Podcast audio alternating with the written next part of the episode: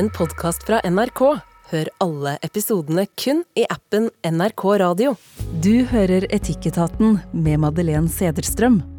I Etikketaten så ställer vi oss det utrolig vanskelige spørsmålet hva er rett og hva er galt? ofte basert på en filosofi som i seg selv har prøvd å finne ut hva som er sant. Og spoiler alert! Här finns det många olika meningar. Så kanske vi här och nu må enas om en eneste ting idag, nämligen verdien av att få lov att vara uenig. Og de som skal få lov å være uenige i dag, de er journalist og forfatter Ingeborg Senneset, redaktør for kulturavisen Subjekt Dan Bishoy og leder ved Institutt for filosofi og religionsvetenskap ved NTNU i Trondheim, filosof Heine Holmen. Og jeg heter Madeleine Cederström. Velkommen til Etikettaten, NRKs lille kampmatte for etikk, filosofi og verdidiskusjoner. Til dere, kjære panel, Gjør julen deg nostalgisk? Danby? Ja. Ingeborg? Veldig. Heine? er på mitt mest religiøse, ja. Vi snakker altså med en nostalgisk gjeng. Vi skal prate om hva nostalgin gjør. For noen så innebærer jo denne nostalgin at de på død og liv skal gjøre alt de alltid har gjort, og at de påtvinger alle rundt seg en slags juledisiplin som alle skal følge. Men finns det något egenvärde i att la nostalgin genomsyra våra traditioner? Eller bør vi være mer åpne for alternativen?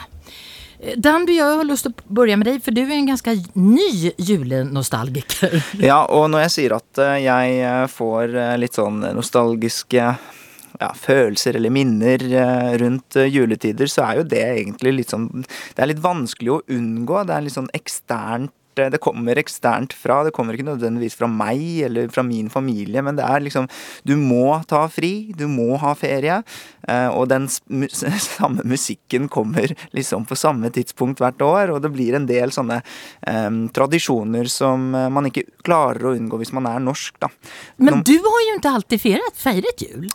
Nei. Jeg vokste opp i en innvandrerfamilie fra Sør-Korea med foreldre som ble tidlig skilt, og dessuten så var altså alle mine venner der jeg vokste opp på østkanten i Oslo, på Oppsal, eh, ofte muslimer, og eh, ikke feiret ikke jul, da. Så vi, vi, vi, hadde nok stort sett bare fri. Og jeg Altså, faren min kan finne på å gi meg julegave i september, og altså, det er, det er ikke noe det er, det er, rett og slett litt uhyggelig og litt ukoselig. Så, liksom, så jeg har tatt litt tak selv i senere tid, da. Ja. Så, så, absolutt. Jeg har begynt med det litt selv, liksom, å få, få liksom, familien med på å faktisk uh, møtes og om ikke feire, i hvert fall være litt sammen, da. Veldig bra. Ingeborg, Mm. Hvordan har det vært for deg å feire jul opp igjennom? Jeg har en sånn tanke om at nostalgi da, ikke nødvendigvis er bare av det gode. Nostalgi bringer jo fram gamle minner. Og hvis du har minner om jul som stress fordi at du er skilsmissebarn, sånn som jeg sjøl er. Jeg grua meg til jul fordi at jeg var usikker på skal jeg hit, skal jeg dit, hvor bør jeg være? Jeg hadde dårlig samvittighet uansett hvor hen jeg var. Mm. Um, og jeg har også grua meg mye fordi at jeg har vært så prega av spiseforstyrrelser, og alle snakker om mat, og mat skal være kos, og mat skal være samvær, og mat skal være perfekt, og måltegn skal være perfekt. Og det er litt sånn for mange, da. Mm. Uansett om du har hatt en god eller dårlig oppvekst, så kan dårlige minner hekte seg på særlig de dagene der det er meninga at du skal ha det så bra. Det er meninga at du bare skal smile og kose deg i jula. Så jeg tenker at det er litt viktig å akseptere at røde dager, som f.eks. jul, da, um, kan bringe fram ganske mye dårlig, og da kanskje må vi være litt åpne for at ja, det må være greit å ikke glede seg så innmari, men kanskje ha noe sånn gode øyeblikk. Da. Mm. Heine, hvordan påvirker nostalgien en, en filosof? jo, det, det, det, påvirker det. Det er jo først og fremst en følelse eller en emosjon, det her, da. Det er jo faktisk et etisk spørsmål, for du kan ha feil og, og riktige følelser, men det er en helt annen diskusjon. Men uh, jeg vil jo si det påvirker i den forstand at dette her er jo litt sånn som Danby sier, da. Det her er jo Kulturen krever deg til jul.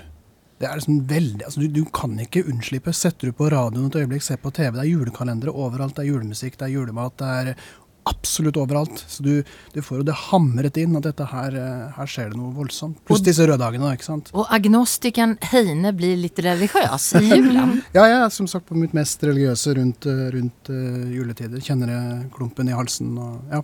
Det er jo en- noe, noe sånn hellig over det. ikke sant? Ja. Eh, altså Utvilsomt fordi at dette er en hellig høytid for, eh, for kristne. Men man blir nest, altså det er litt sånn som når jeg er i Nidarosdomen, så blir jeg nesten kristen. altså Det er bare liksom ikke til å tro at det rommet finnes.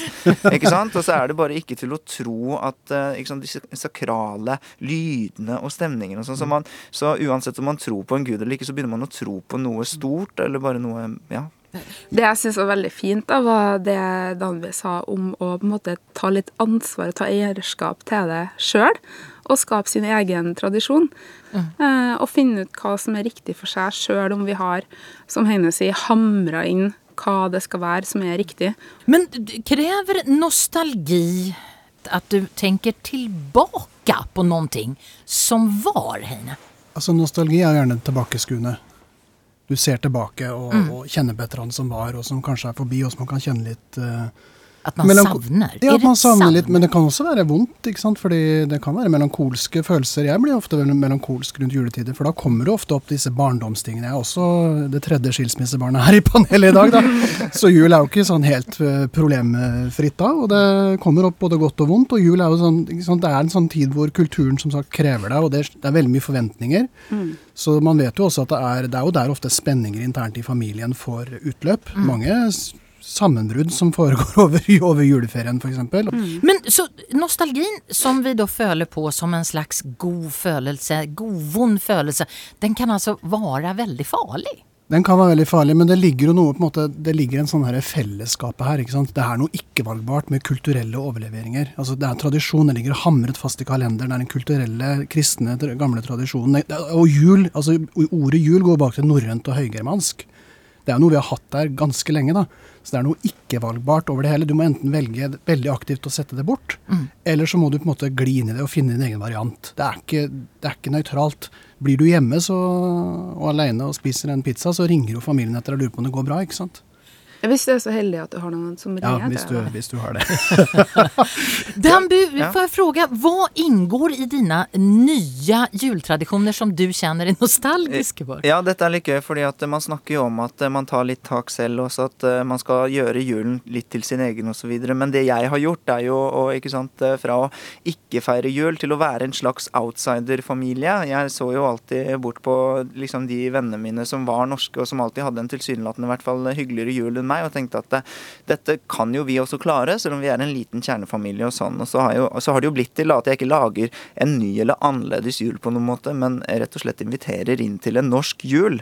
Så det er litt sånn det der med å bare være med i fellesskapet også, som jeg syns eh, egentlig ikke koster så mye, men som, eh, men som man kanskje skal ta tak i og også eh, invitere til, da. Men jeg har lyst til å dra eh, tankene til et helt annet univers, eh, det som jeg kom på mens Heine snakket, at det, eh, Squid Game. der, der er det Det jeg ser på den nye varianten. Nå er jeg spent. Reality. Jeg òg. det er sånn reality-versjon av Squid Game som nå går, og finalen eh, har nettopp gått. og sånn. Men så er det en episode der da hvor eh, man sier sånn Ja vel, det er en partner, og alt er hyggelig. Eh, og dette er jo et reality-konsept, så de burde jo skjønt liksom at dette, dette er å by opp til en ganske farlig dans. ikke sant? Man velger seg en god venn og setter seg ned til piknik, og så kommer overraskelsen. En av dere skal ut, og dere må finne ut av hvordan, liksom, gjennom et spill.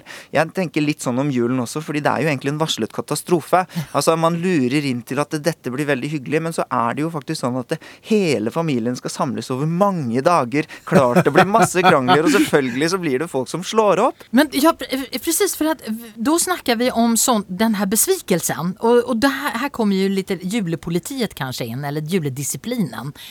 Att det blev inte som man hade tänkt sig. Mm. Ingeborg, du har, en, du, har en, du har ju skrivit en fantastisk eh, kronikk om detta, det sorte fåret i familjen. Det er veldig hyggelig at du kaller den fantastisk. Da. Det er jo kanskje litt, det er kanskje litt mørk, men det er jo ment som lys da, for eh, alle dem av oss som har følt oss som det sorte fåret i familien. Som på en måte føler at vi er den som ødelegger den gode stemninga. Vi er den som ikke klarer å glede oss. Vi er den som ikke klarer å leve opp til forventningene. Eh, og egentlig bare noen sånne innspill til hvordan man kan håndtere det på egen hånd. Ja, kan kan du dra noen av de sakene som du kom, kommer med her? Ja, faktisk. Et par ting som har funka for meg. da. Det er jo veldig forskjellig hva som funker for hvem, og veldig mange ganger har det ikke funka også. Da må jeg bare prøve på nytt. Men det å ha en plan da, med et par sånne fine ting du kan gjøre alene, som ikke krever at du skal være sammen med andre, og tenke i små etapper, eh, kanskje time for time.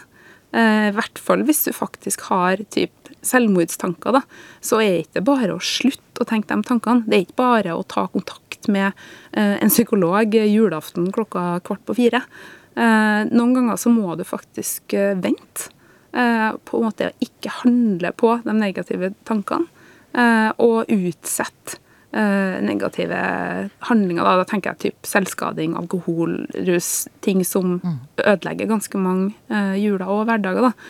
Og så skriver jeg egentlig i det der aller viktigste punktet, det er å ikke bli for sint på seg sjøl om man feiler. For det at man prøver, det sier jo veldig mye. Um, og jeg har også en liten bønn til pårørende, eller ikke nødvendigvis pårørende, men resten av familien, da, at hvis en person avviser kosen, så avviser de ikke hele familien. Så prøv å ikke gi dårlig samvittighet i tillegg, og bare tenk at hele høytida eller hele middagen eller hele morgenen trenger ikke å være perfekt. Ta heller å finne ut hvordan man kan få til gode øyeblikk. For det er veldig mye lettere å dyrke minutter enn å dyrke en hel eh, tradisjon. Halleluja, amen. og, og, Og dette er jo noe av det farlige med julen også. ikke sant? Fordi at det som var litt sånn Det som gjorde at jeg følte meg litt sånn outsider som kid, da, var jo også at eh, det er så mye perfeksjon rundt dette jul, mm. julegreiene. Og så er det ikke minst eh, mye Instagram og mye stories, ikke sant? i hvert fall i senere tid. Og, og man ser hvor fint andre har det, og da kan man selv føle seg eh, nokså imperfekt, da. Heine, helt til slutt. Eh, Fins det egenverdi, egenvärdi, Heine, i nostalgien? Jeg- syns det finnes noe egenverdi i det som Danby la litt vekt på, nemlig at her ligger det en litt sånn fellesskapsoppskrift klar. Det ligger en mal. Det er noe du kan plukke ned som individ. Du trenger ikke velge alt fra bunnen av, så kulturen har gjort halve jobben for deg. Det ligger en verdi og det er det som ligger en verdi i fellesskapet og ritualer. Noen av de er dårlige, selvfølgelig, så vi må velge bort dem, men, eh, men enkelte kan være fint at det ligger en mal der da, som vi bare kan tre inn i. Litt sånn som 17. mai og, og jula. Jeg tror nostalgi er superfarlig når det brukes av feil personer. Eh, La oss si Donald Trump. Da er nostalgi litt skummelt. Veldig positivt når vi kan sette på en episode av Mot i brøstet som vi har sett 14 ganger før, eller Friends, og se den samme vitsen bli sagt på samme måte med de samme ordene den samme personen, og bare Men- bliss hjernen. Dette er jo veldig veldig subjektivt. ikke sant? Noen mener jo at Donald Trumps eh, nostalgi er viktig og bra. Og så ikke minst så mener noen at Friends burde ta seg av luften fordi den er homofobisk og transfobisk og alt sånt også nå. ikke sant? Så, nå måtte vi slutte her! så det, det er nok å snakke om sånn, egentlig. veldig, veldig bra. Tusen tack.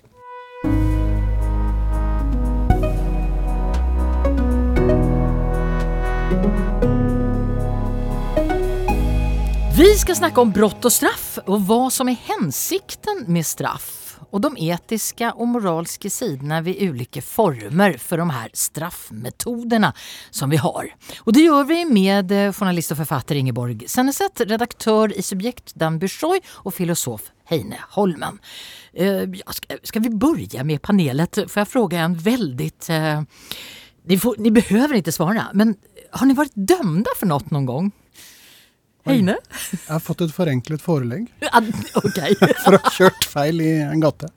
Det er ikke en dom. Dambi. Jeg, eh, jeg har eh, også vært eh, hva Heter det dømt? Nei, jeg har ikke blitt dømt i retten. Men jeg har fått forenklet forelegg, jeg også. Er det det det heter? Ja, Det har jeg også fått. For olaga affisering over større deler av Uppsala tätort. Under min politiske verksamhet. Har, hvis jeg sier så her, har dere blivit dømt av norsk lov? Eller har ni i stort sett blivit dömda av folk, pressen, sladder og sosiale medier? Danby? Ja, jeg syns det er veldig veldig bra at eh, du trekker inn det, eh, som jeg også vil eh, snakke om. Men det har jeg i hvert fall blitt. Og Inge, ja, vänta, ja, Ingeborg?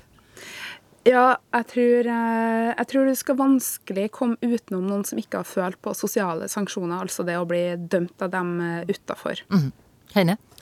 Jeg har hatt eh, mediestorm i høst med min stilling, så jeg har blitt uh, dømt uh, på den måten. Altså det, nå blir jeg assosiert med å være en sånn fast track på NTNU. Det, det er dømt nok. mm. Vi ska eh, ha två fokus i det här. Vi ska börja med rättssystemet. Eh, straff är ju ett av de kraftigaste uttrycken vi har för auktoritet och makt över enkeltmenneskene. Och bruken av straffesystemet i Norge har to formål. Den skal virke preventivt, slik at man ikke bryter loven igjen. Og den skal gjøre at andre lar være å begå lovbrudd. Men Heine, hva mm. er de etiske begrunnelsene for straff, eller de filosofiske?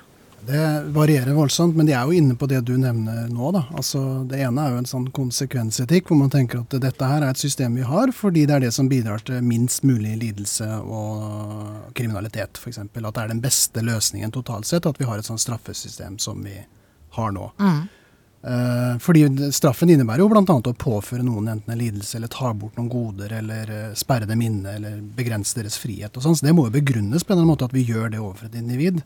Og konsekvensetikerne peker da på at det er det beste systemet.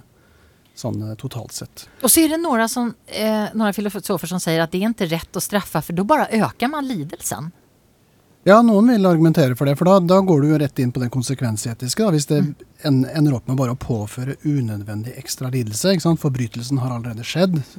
Så det å påføre en straff vil bare påføre enda mer lidelse. Så kanskje vi heller burde behandle, mm. reformere. Det var jo en populær tankegang eh, en stund, blant annet. At man tenkte at det var, lot seg gjøre. Mm. Uh, Ingeborg og, og Damby, vi har jo et rettssystem i Norge der, der själva frihetsberövelsen skal være straffen og så skal man reformere disse människor. Eh, vad, hva tenker du om det, Damby? Jeg eh, syns at eh, det er et eh, veldig viktig prinsipp at man også har med seg dette at det har et slags rehabiliteringsperspektiv. Jeg tenker jo at man Altså, ingen mennesker har godt av å Eller blir noe bedre av å komme til et, tilbake til et samfunn etter å ha sonet sin dom, hvor man likevel sant, praktisk talt er straffet av f.eks. alle arbeidsgivere som nekter å gi vedkommende en jobb, eller alle naboer som tar avstand, eller um, at de sosiale sanksjonene også kan bli for store, da. Og det er jo også et problem dersom eh, mennesker sant, opplever de sosiale sanksjonene som strengere enn f.eks. rettsstatens. Mm. Men Ingeborg, du er jo også journalist. Mm. Det rettssystemet vi har i Norge i dag, det, det går ut på at man skal eh, frihetsberøve, og så skal man reformere. Hva tenker du om det? Jeg har veldig mye tanker om det her. Det var en av yndlingstemaene mine på videregående. av alle ting. Eh, forbrytelse og straff. Um, og jeg har også vært uh, meddommer i tingretten. Og innad i det å være meddommer, der blir man drilla veldig i nettopp det at uh, straffen skal kunne kun sones, sånn at du skal kunne gå videre. Um, du får aldri gjort opp for deg ordentlig. Hvis du har gjort en alvorlig forbrytelse, så kan du aldri på en måte straffes tilsvarende. Det er jo derfor vi ikke driver med øye for øye, tann for tann. Eh, hvis vi skulle ha gjort det, så hadde vi aldri kommet i mål, rett og slett. Mm. Heine, veldig mange samfunn har jo også en hevnetanke bak straffen. Ja. Og, har, og, det har i alle fall historisk sett vært. Hvordan kan vi eh, begrunne det etisk? Og hvorfor har vi overgitt det? Altså Hevntanken den har vi på mange måter lagt litt bak oss med å ha et sivilisert rettsvesen. Altså Det er jo ikke en hevninstitusjon, men det er likevel en oppreisning. Skal jo gjerne foregå gjennom mm. rettsvesenet. Så det ene er og Nå har vi snakket veldig, om, veldig, mye om den som blir straffet, og hva som skjer med den. Og det er viktig. Uh, og en viktig diskusjon. Men det er også vesentlig å ta hensyn til offeret i en sak. Der det er offer, da. Noen ganger så er det jo bare staten. Altså Når jeg får min, mitt forenklede forelegg, så er Jeg vet ikke hvem som er offeret der, men jeg kjørte jo i feil gate. ikke sant? Så det er ikke noe, der, staten. Ja. der er ikke noe oppreisning. Men når det gjelder på en måte større forbrytelser, så har vi Folks rettsfølelse er jo at skal, staten også skal på en måte balansere opp litt. Ikke sånn øye for øye, tann for tann. Det er en gammel lov. Den går jo tilbake til Hammurabi og Babylon og mange tusen år siden. Men men det er likevel en viss sånn oppreisningstankegang om at eh, straffen skal også balansere litt eh, i forhold til alvorligheten av det man har gjort. Mm. Derfor så har man f.eks. hatt veldig mye diskusjoner rundt at man har ganske lang straff for eh, drap ikke sant, i Norge. Mens eh, det har vært diskusjoner rundt ulike former for seksuelle overgrep, om de skulle være lengre, de også. For at på det også er en alvorlig forbrytelse. Så alvorlighetsgraden til forbrytelsen, eller den hendelsen, da, den reflekt, skal også reflekteres litt i lovverket. Det, men det er ikke hevn. Nei. Det er viktig. Nei, og det, eh, låt meg holde tag i det. Fordi nå skal vi prate om det som ofte skjer eh, efter straffen. Eh, når man da er ferdig med den rättsstaten och, och man har sonat färdig, då är det ganska många människor i alla fall som har en slags hävntanke. För hävntanken är stark bland människorna. Mm. Och här Danby har ju du gjort dig relativt eh, eh, bemärket den, den, den sista tiden med akkurat eh, den, den her typen av hevntanke. Ja, altså jeg har jo skrevet en hel eh, bok også om eh, det jeg kaller for kanselleringskultur. ikke sant? Hvor eh, dette er et Det er jo et, et sosialt korrektiv på en måte, men hvor jeg altså advarer mot dette. Fordi man kan dra det for langt. Heine nevner at det skal være viss, et visst samsvar mellom straff og forbrytelse, på en måte. Men det, ikke litt, men det er, kjempe, det er jo hele poenget, nesten, at det er en viss forholdsmessighet rundt dette. Hvis ikke så mister jo både rettsvesenet sin tillit og relevans, men også fordi at det det, det, uetiske begynner der straffen er uforholdsmessig. Dette, det skal konsekvensetisk veies opp mot at samfunnet sant, i stort er tjent med at vi straffeforfølger folk som har begått det flertallet, eller alle forstår er moralsk forkastelig oppførsel, eller rett og slett det man kaller for kriminalitet.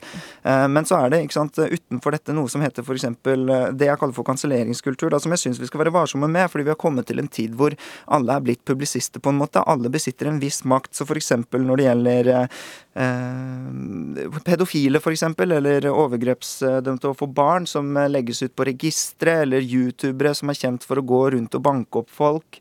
Eh, for, eh, å ta loven i egne hender, rett og slett, det er jeg sterkt kritisk til. Eh, at man rett og slett skal straffe folk etter egen evne og vilje, da, for det er det vi har et rettssystem til. Og hvis man føler mm. at rettssystemet ikke har gode nok lover for det, så er det jo så er det dessverre det eneste å gå den omveien og få til politiske endringer, rett og slett. Og, når det gjelder f.eks. Atle Antonsen-saken, da, så ville man jo ha han dømt for f.eks. paragraf 185. Med bot eller fengsel inntil tre år straffes den som forsettlig eller grovt uaktsomt offentlig fremsetter en ytring som diskriminerer liksom f.eks. hudfarge eller etnisitet osv. Og jeg er ganske sikker på at han gjerne skulle sluppet all den sosiale fordømmelsen og tatt en bot på 15 000 kroner i stedet. Det hadde vært en ganske mye billigere straff for han.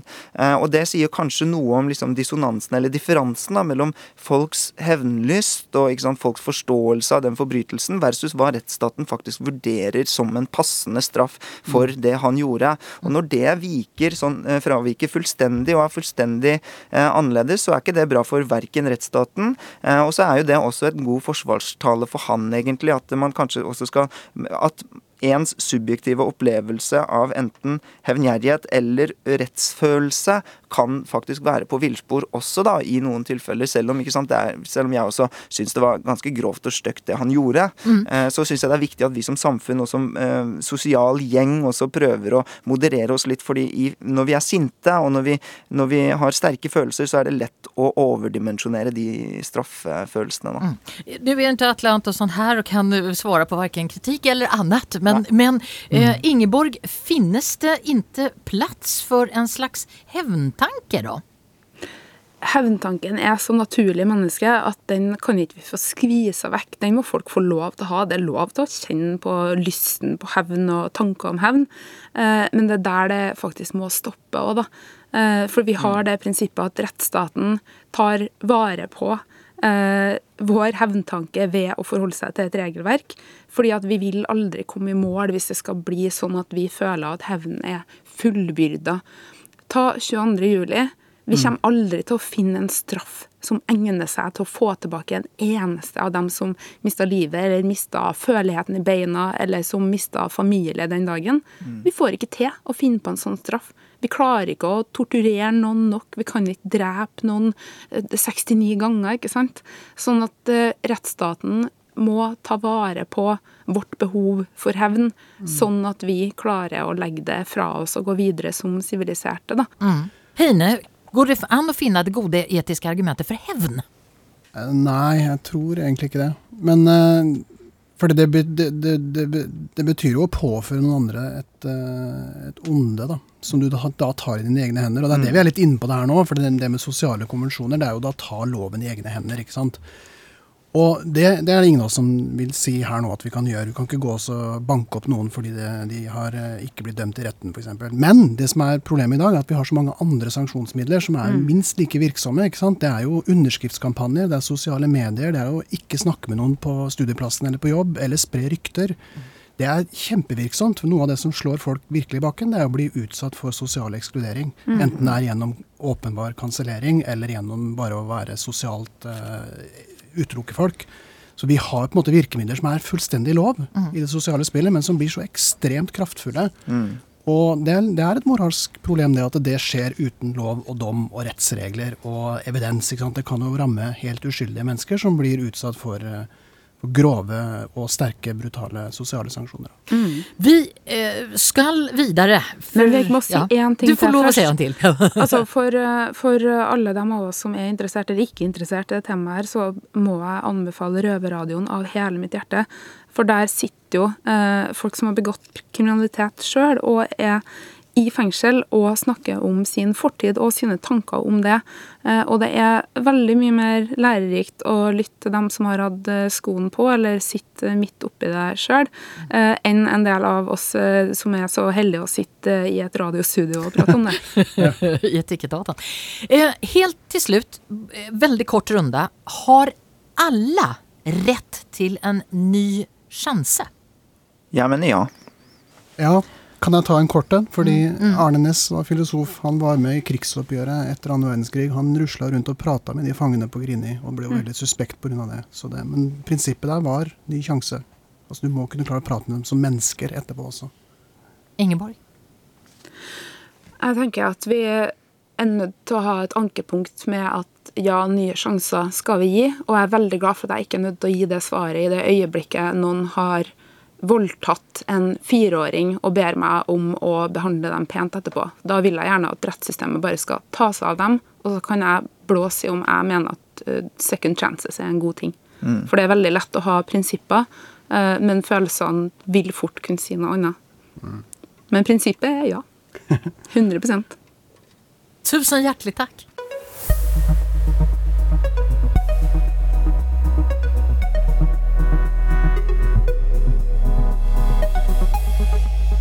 Vi skåler. Skål. Skål, Oddvar. Ivar. Hvis du vinner, så blir du statssekretær. Hvis jeg vinner, det tar vi da eventuelt. Solidaritet for fyll og framtid.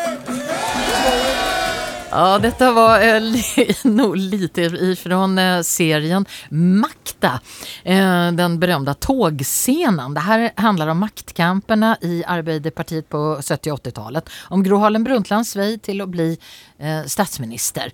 Og ifølge serieskaperne så er den altså basert på sannhet, løgn og dårlig hukommelse. Serien har blitt mottatt med applaus fra kritikerne, men den har også skapt debatt av måten den fremstiller ekte mennesker på. Og var går grensen for dette? Her hørte vi eksempel då Oddvar Nordli relativt påseilet i den her eh, ropa ut skål for fyll og framtiden. Får man lov at tulle sånn Danby og Ingeborg? Hvem har lyst til å begynne? Bare begynn du, Ingeborg. Faen. jeg har ikke så peiling på det. Nei, jeg, kan- ok, jeg kan godt begynne. Ja. Nei da, men du vet Ja. hva. Det her er jo en variant av virkelighetslitteraturdebatten eh, som er ekstremt viktig på den måten at her tas jo ekte personer, eh, levende eller eh, avdøde, eh, og settes inn i en fiktiv setting med masse ekte hendelser. Så man vet ikke helt når er det sant, når er det ikke sant. Du kan risikere å ødelegge ettermælet eh, for en person som ikke kan forsvare seg. Og hvem er det egentlig som har rett til å ødelegge det? Um, det er også en faktor her, for at vi, altså, vi skjønner jo at Gladiatoren ikke er en dokumentar. Eh, men det her er såpass nært i tid at eh, kanskje lever dattera eller kona til noen av dem som er med. Um, det er et kjempeproblem. Et annet problem er jo det at vi lever i en verden der fake news er et kjempeproblem demokratisk sett. Så er det da bra at vi lar oss underholde av sånn egentlig en variant av fake news? Ja, Damby. Eh, det er masse Ja. spørsmål, og jeg har egentlig ikke svarene. Nei, den eh, inviterer til eh, mange spørsmål rundt eh, sannhet og ikke-sannhet, men da burde man rett og slett legge til grunn at det ikke er sant, og så kanskje med kanskje bare håpe at noe av det er litt sant, og at det pirrer nysgjerrigheten på en eller annen måte. Presseetisk så er ikke dette så vanskelig, det er bare å merke det som underholdning i stedet for dokumentar, og så er det ikke sant, home free, egentlig. Men hvordan de selger det inn, men liksom basert på sannhet, løgn og dårlig hukommelse, gjør jo at man, det frister å tenke at liksom noe er sant, og, og at dette inviterer til at man skal kanskje tro på mest mulig, eh, og i hvert fall se det for seg at dette har skjedd eller kan skje osv. Men det, det- jeg tenker jo egentlig at man, man må bare se på det som eh, usant, eh, og så med, med Men er det fantasi. lite, är litt enkelt å si det?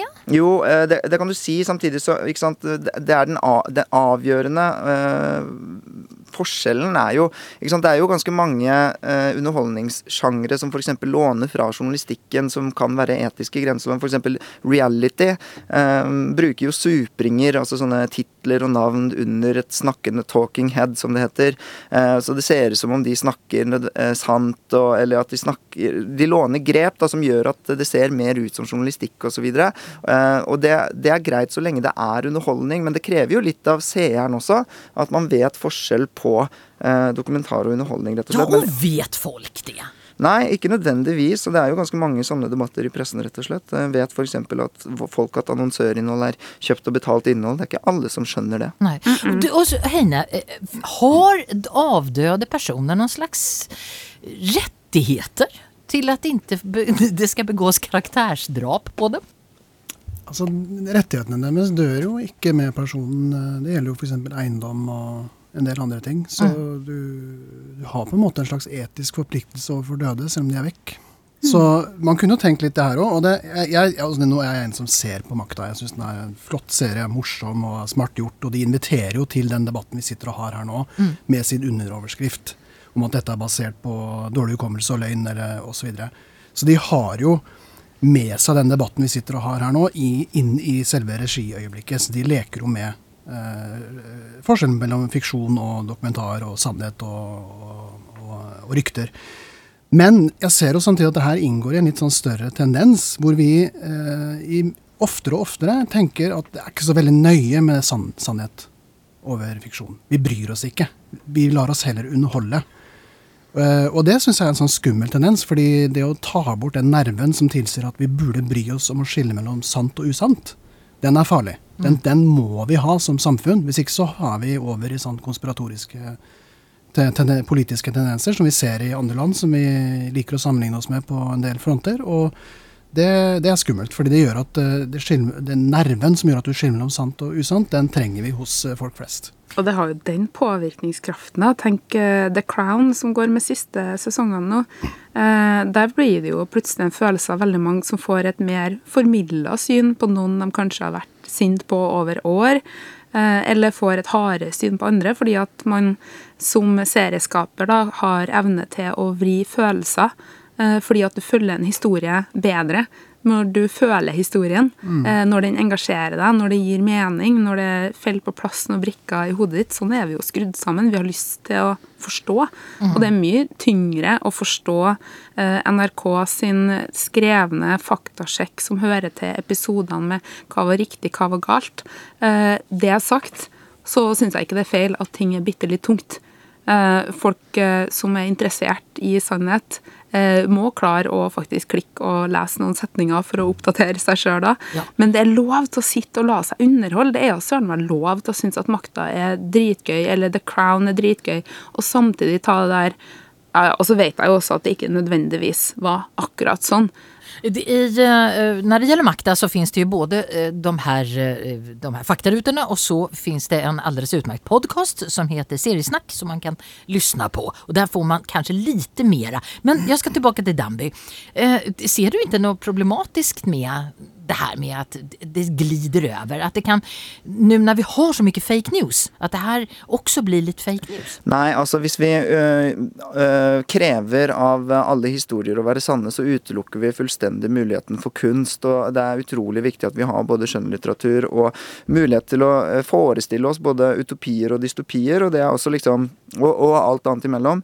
Eh, fordi det også er viktig for eh, folk og samfunnet, og ikke minst kreativiteten vår, at vi greier å fantasere. Og kunstnere greier å gjøre det for oss, og de klarer å invitere til rom hvor vi klarer å tenke større enn oss selv, og se for oss muligheter, situasjoner og eh, slike ting er også viktig. At vi får trent opp den kapasiteten vår også. Så liksom å bygge opp, eh, i stedet for å forby mer, holdt jeg på å si, å liksom bygge opp den derre Eh, kanskje evnen vår til å forstå forskjellige sjangre. Det er ganske viktig at vi har analytikere og kritikere som klarer å sette dette i kontekst, eh, og at man greier eh, å se på ulike ting for hva de er. da. Men det er, rett, man, det er ganske viktig at man ikke ser på dette som en dokumentar, fordi at journalistikk er jo ikke bare sluttresultatet, men hele prosessen, og det er en metode.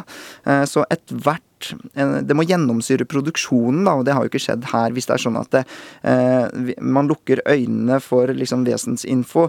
Eh, så eh, i journalistikken så er det sterkt kritikkverdig. F.eks. når det gjelder Bamsegutt-dokumentaren. Det, det går jo helt fint gjennom om Bamsegutt var en underholdningsserie, sånn som Makta er. Eh, men hvis det hadde vært journalistikk, rett og slett, så hadde, hadde man krevd at eh, sånne vesentlige og relevante opplysninger også fortelles, da. Mm. Det er et godt eksempel i den sammenhengen her. Sjekk for guds skyld en god historie, fordi at historien blir bedre med nyanser eh, nyansene holder på å døre ut som art mm. hvis at vi ikke tar vare på dem. Og Bamsegutt-dokumentaren, kjempegodt eksempel på at hvis man hadde sjekka den gode historien og tatt med den sjekken, så hadde ikke historien blitt dårligere. Den hadde blitt litt annerledes enn man har sett for seg på forhånd, men det hadde fortsatt vært eh, da en faktisk eh, dokumentar som kunne ha stått seg trolig. Jeg vet jo ikke hvordan det resultatet eventuelt ville sett ut. Men de kunne jo kalt Bamsegutt en dokumentar basert på sannhet, løgn og dårlig hukommelse. Ja, det, er det, det, er jo rett og slett en ganske treffende tittel.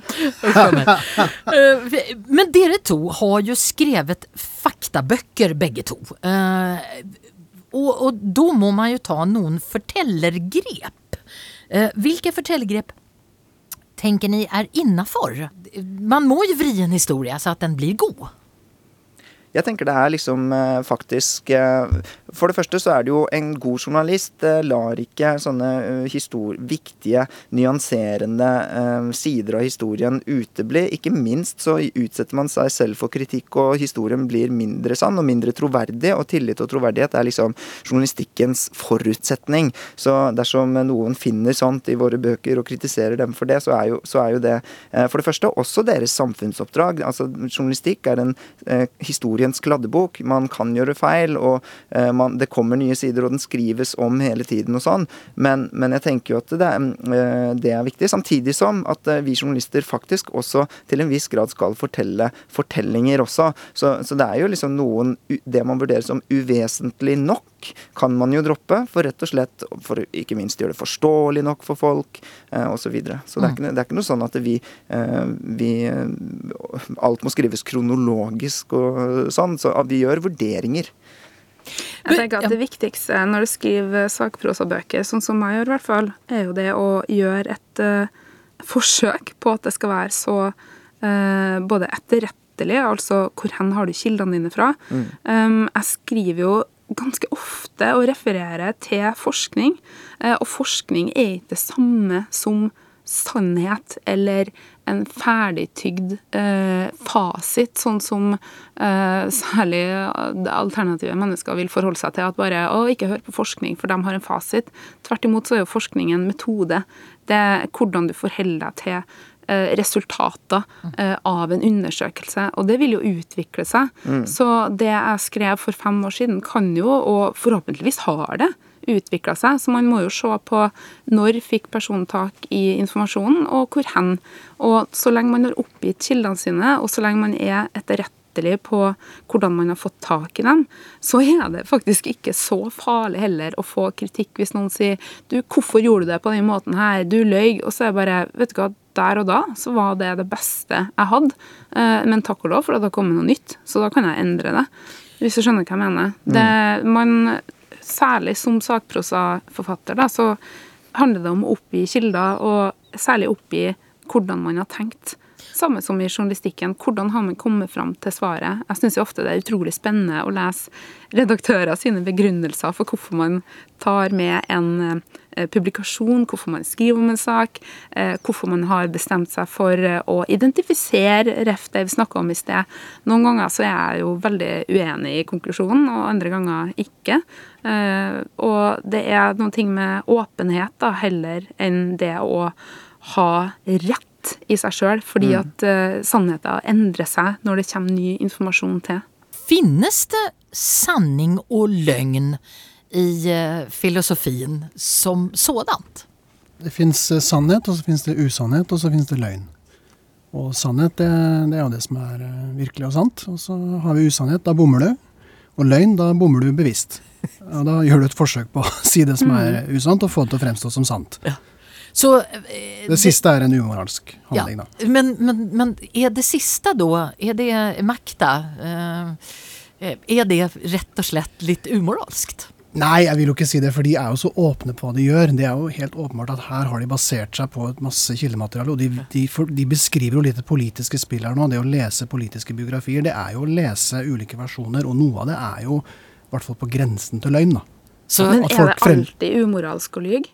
Nei, det sa jeg ikke. Okay. det håper jeg ikke jeg sa. Precis. Men vi skal videre.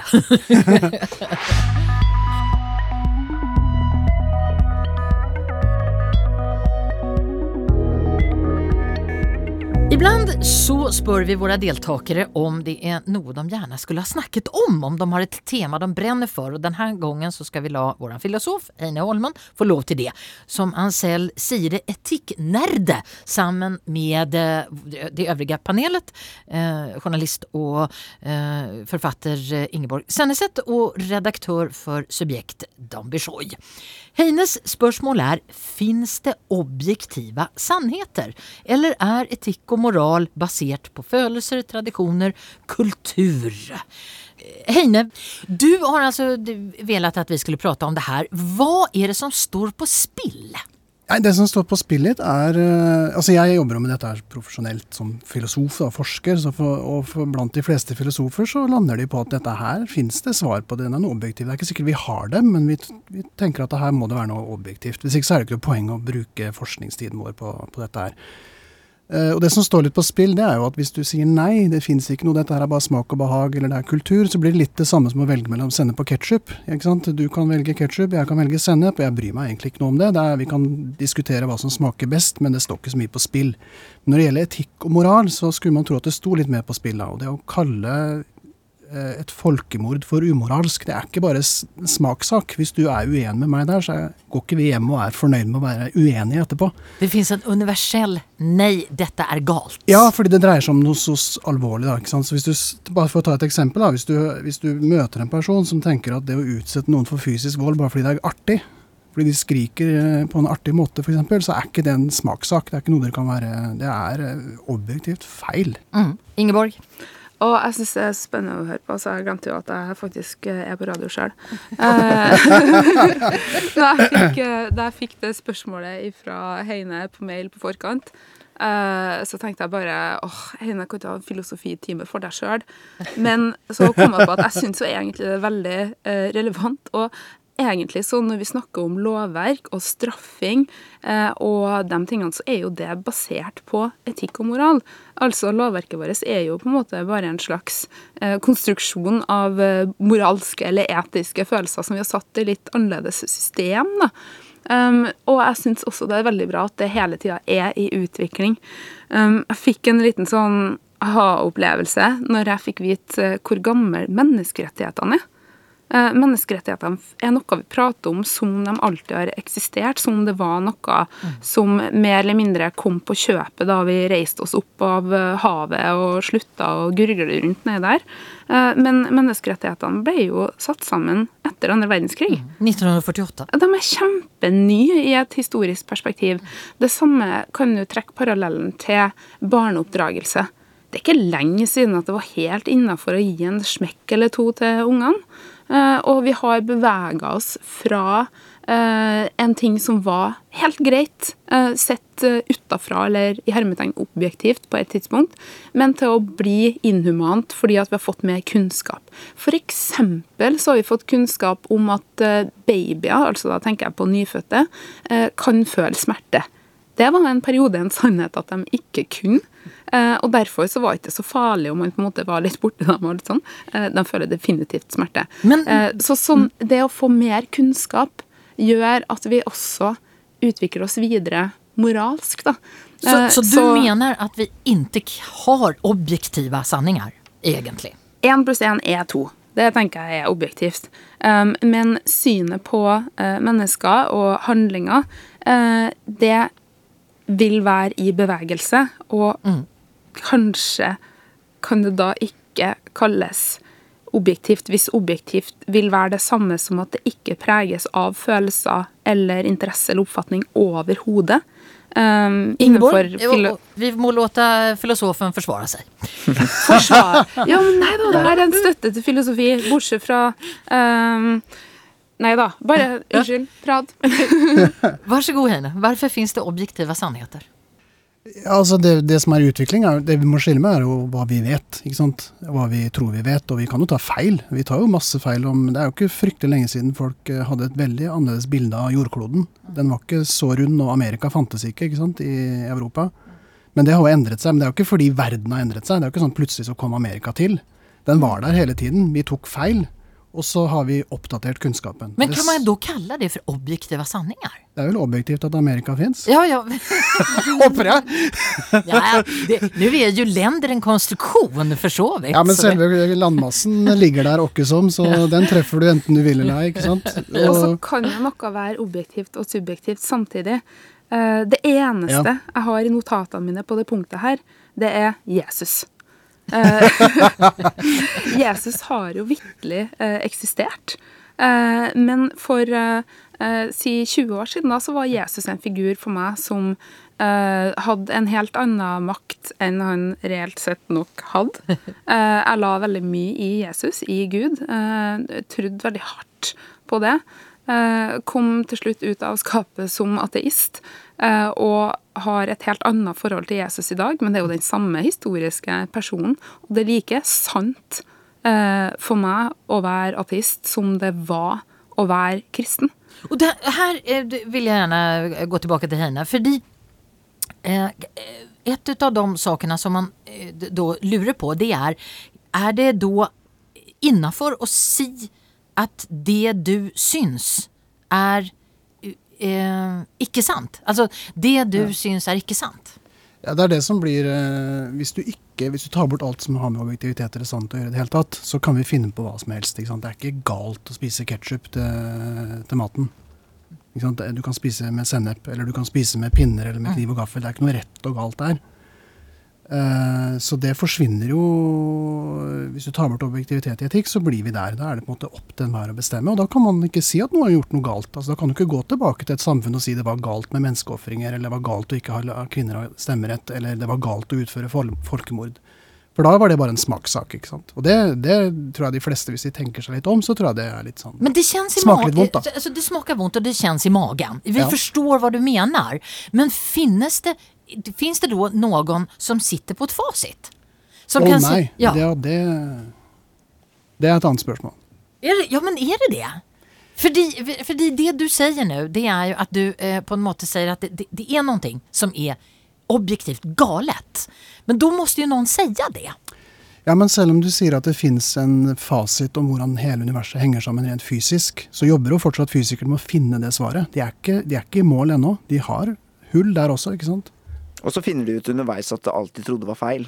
Altså, Det jeg- ikke, ikke, Nei, ikke alt, da. Nei, nei, men ikke for å bli relativistisk, og det er det jo fort liksom at man blir litt vel filosofisk og veldig åpen for at alt det er relativt og sånn. Det, er- det er ikke meningen å si det. Samtidig så er altså det vi trodde så sinnssykt på i forrige Altså tidligere i historien, var så sinnssykt feil, ikke sant? Og Ja, ja. jeg, er, jeg er ganske opptatt av at vi bare husker det, og det gjelder også i f.eks. bekjempelsen av falske nyheter.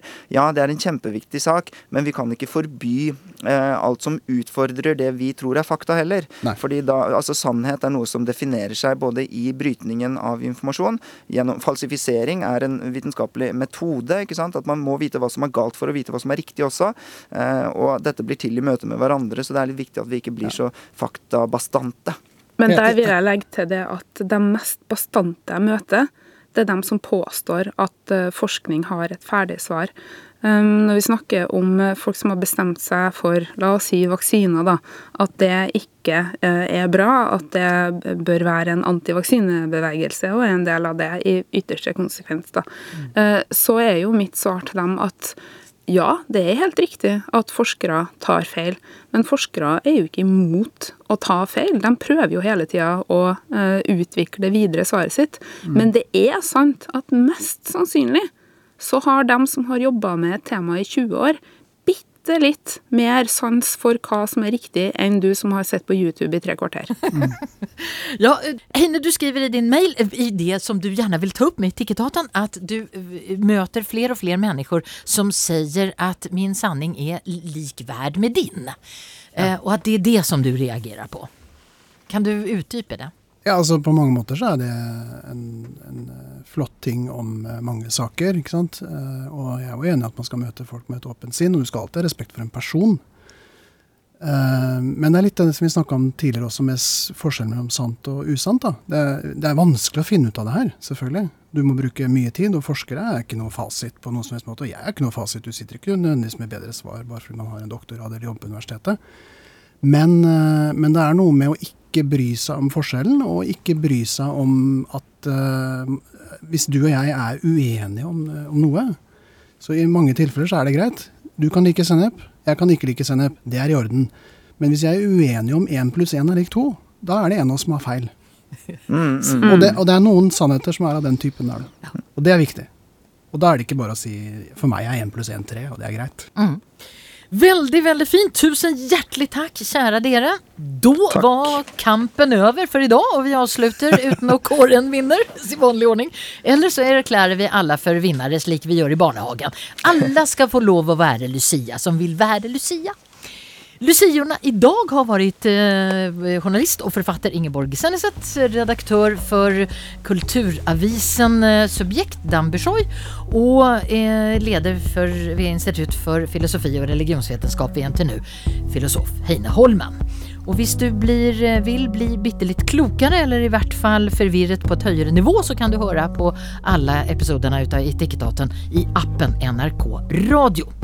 De som gjør Etikettaten det er Hege Strømsnes, Margrethe Nåvik og jeg heter Madeleine Cederström.